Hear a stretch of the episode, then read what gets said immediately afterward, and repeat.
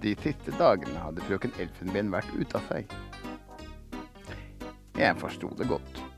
Hun hadde fått flere merkelige telefoner. Straks hun tok røret av, var det helt stille i den andre enden. Noen ganger hørte hun pustelyder. Selv om frøken Elfenben var et monster av en elefant innimellom, så ønsket jeg ikke at hun skulle bli utsatt for slike følelsesmessige påkjenninger. Vi kontaktet telefonsentralen, men de kunne ikke hjelpe oss. Det eneste de med sikkerhet kunne si, var at telefonene kom fra en telefonkiosk utenfor byen. Men ikke hvilken. Telefonene fortsatte å komme. Nå var det like før frøken Elfenben fikk sammenbrudd. Nå var det på tide å trekke inn spesialstyrken. Jeg ga frøken Elfenben fri resten av dagen og gikk inn på kontoret mitt. Åpnet vinduet og plasserte en liten flaggstang med et rødt flagg på fuglebrettet. Kriseflagget var heist. Nå var det bare å vente.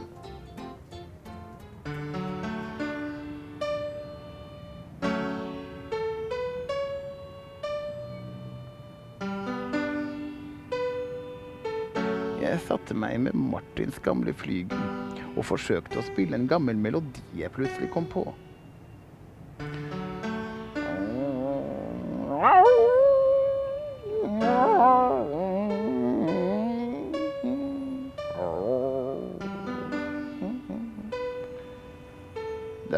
Kjent med den melodien. Martin likte så godt å høre den. Ja, nå husker jeg. Det var den melodien frøken Enersen pleide å synge når jeg og Martin besøkte henne. Frøken Enersen, ja. Hun hadde en stemme som kunne smelte en isbre. Når frøken Enersen sang, sto verden stille for Martin og meg. Hallo, tjukken. Hva var det for en melodi? Å, hei, kjære venn. Nei, det var bare en gammel melodi som frøken Enersen pleide å synge for Martin og meg. Å ja, frøken Enersen. Hun som du og Martin pleide å besøke. Ja, hun som Martin tok meg med til. Savner du ham ennå, Fabian? Ja, Siri Sval. Jeg savner ham nesten hver eneste dag. Det er trist når noen en er glad i, blir borte. Husker du i fjor sommer? Da mistet jeg min beste venn. Han fløy rett i en høyspentledning. Jeg gråt, jeg, Fabian. Gråt i mange uker. Og jeg savner ham fremdeles. De er døde nå, Siri. Men vi har alle de fine minnene som vi kan tenke på. Det er det nesten som de blir levende igjen. Ja, det er sant, Fabian. Men jeg er her. Og jeg er levende. Og hva var det egentlig du ville meg? Du hadde jo satt ut flagget. Ja, riktig. Flagget. Jeg fortalte henne om de merkelige telefonene, og om hun kunne spørre alle svalevennene sine om de kunne hjelpe meg med å finne ut hvilken telefonkiosk den stemmeløse ringte fra. Greit, cap'n. Ikke noe problem for Siri Svale og spesialstyrkene. Vi setter i gang straks. Hadde jeg ikke truffet Lulu den gangen, så tror jeg at jeg ville slått meg sammen med Siri. Hun forsto meg, og stilte alltid opp. Men det var jo bare det problemet, at hun var en liten svale, og jeg, jeg har en stor hund. Men man kan aldri vite.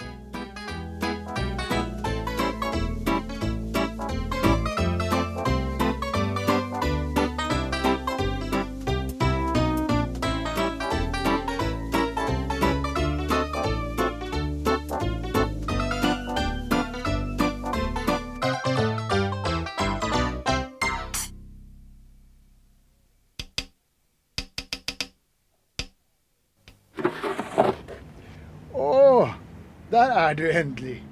Vi har hatt så mange telefoner i ettermiddag. Har dere funnet ham? Ja, det er en frosk som ringer fra en telefonkiosk ved dammen i Sumpskogen. Men han ser ikke akkurat ut som noen forbryter. Når han kommer ut av telefonkiosken, ser han veldig lei seg ut. Og noen ganger så gråter han også. Hva er det du sier? Gråter han også? Hm, Vi har visst tatt feil av ham. Stakkars frosk. Her har han ringt i mange dager, og så tror vi at han er en forbryter.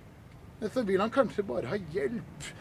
Men eh, jeg lurer bare på hvorfor han ikke snakker.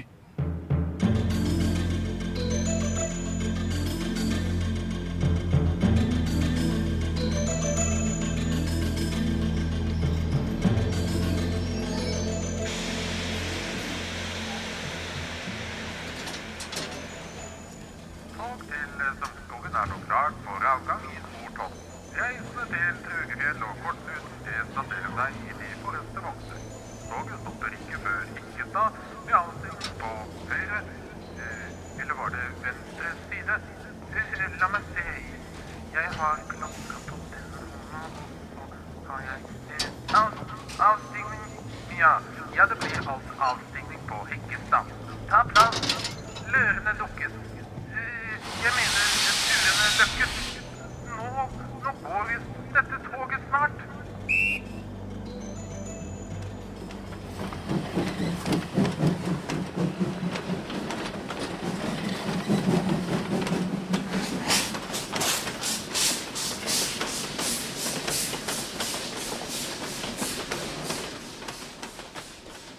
Den enkleste måten å komme seg til dammen i Sumpskogen, er ved å ta toget.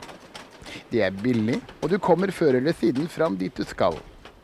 Jeg hadde kjøpt en plate mørk kokesjokolade, og så hadde jeg funnet et gammelt smørbrød under en benk på stasjonen. Mm. Dette ville bli en gastronomisk tur. Langt borte fra frøken Elfenbens mas. Neste stopp er eh. På høyre side.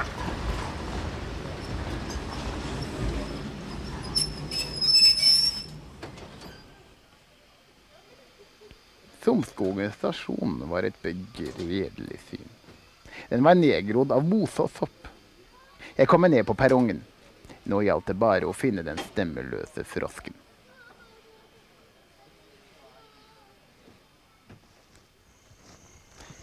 Jeg ruslet av sted og fant et gammelt skilt som pekte nedover en sti.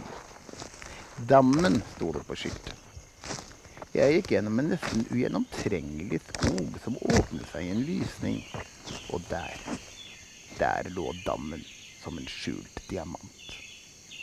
Det var blikkstille, og en lav ettermiddagssol speilte seg i vannet. Det var fantastisk. Jeg fant ham nede ved vannkanten. Han satt og stirret utover den blanke vannflaten. Han var grønn og hadde store, triste øyne. Da han så meg, hoppet han fire meter opp i luften og forsvant bak en stor stein. Hei, ikke vær redd. Det er meg, Fabian. Fra Fabians detektivbyrå. Du har jo ringt meg. Han kikket så vidt over kanten, men gjemte seg raskt. Han var tydeligvis svært redd meg. Så så jeg at det stakk et papirark frem fra steinen. Jeg gikk forsiktig bort og tok ark. Det sto at han hadde ringt meg fordi han hadde mistet stemmen sin. Og han hadde hørt at jeg var verdensmester i å finne forsvunne saker. Og så hadde han tenkt at jeg kunne finne igjen stemmen hans. Ja, selvfølgelig kan jeg hjelpe deg, gode venn. Kom nå bare frem, så jeg får høre hva som har skjedd. Jeg er ikke farlig. Jeg er jo Fabian. Alles venn og hjelper. Hodet hans kom til syne igjen, og det gjorde etter hvert hele frosken også. Han kom helt bort til meg, selv om han skalv som et aspeløv over hele kroppen. Så hvisket han inn i øret mitt. Venn, sa du. Er du min venn? Ja, jeg kan være vennen din, hvis du vil det. Han nikket ivrig og skrev på et papir at han het Fellini. Pleide å sitte og synge ved vannet hver eneste kveld. Men så hadde stemmen blitt svakere og svakere, og en kveld var den blitt helt borte. Han hadde følt seg så ensom. Etter at hans gamle mor var død, hadde han ingen å synge for lenger. Mamma sa at jeg har en fantastisk stemme, men nå er den helt borte. Så, så, kjære frosk. Jeg skal hjelpe deg. Det må da finnes noen du kan synge for. Et eh, publikum. Oi, å ja, et publikum. Det, det vil jeg ha, et, et publikum. Min venn frosken var allerede blitt bedre i stemmen. Han ville at noen skulle høre ham, se ham, at noen gav ham oppmerksomhet. Jeg lovet ham at allerede i morgen så skulle jeg ha ordnet et publikum til ham. Så dro jeg tilbake til kontoret.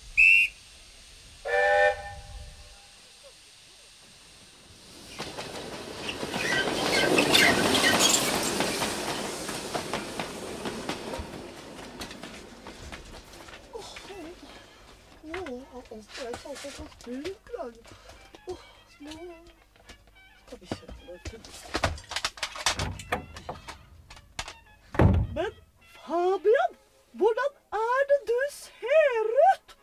Du har jo sopp og, og, og mose i pelsen din. Og hva er det jeg ser i munnvikene? Rester av mørk kokesjokolade? Fabian, du vet jo at du blir fet av den slags. Fant du denne ekle telefonterroristen? Ja, jeg, jeg fant den stakkars ensomme frosken, ja. Å, hva er det du sier?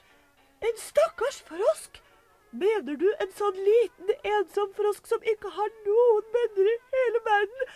En som ikke har noen å synge for og ingen å snakke med? Ja, nettopp, frøken Elfenben. Eh, Men hvordan visste du det? Jo, hver gang jeg hører om stakkars ensomme frosker, så husker jeg frosken som sang hver kveld der jeg bodde før. Jeg tror det må ha vært verdens mest ensomme frosk. Ved min hundehale, frøken Elfenben. Der har vi det! Jeg mener løsningen. Lever den frosken ennå, frøken Elfenben? Ja, jeg, jeg, jeg tror da det. Det var en søt liten froskelask. Ja, den sang for meg hver kveld. Ut med flagget, frøken Elfenben. Få tak i spesialstyrken igjen. Her er løsningen for den stemmeløse frosken ved dammen.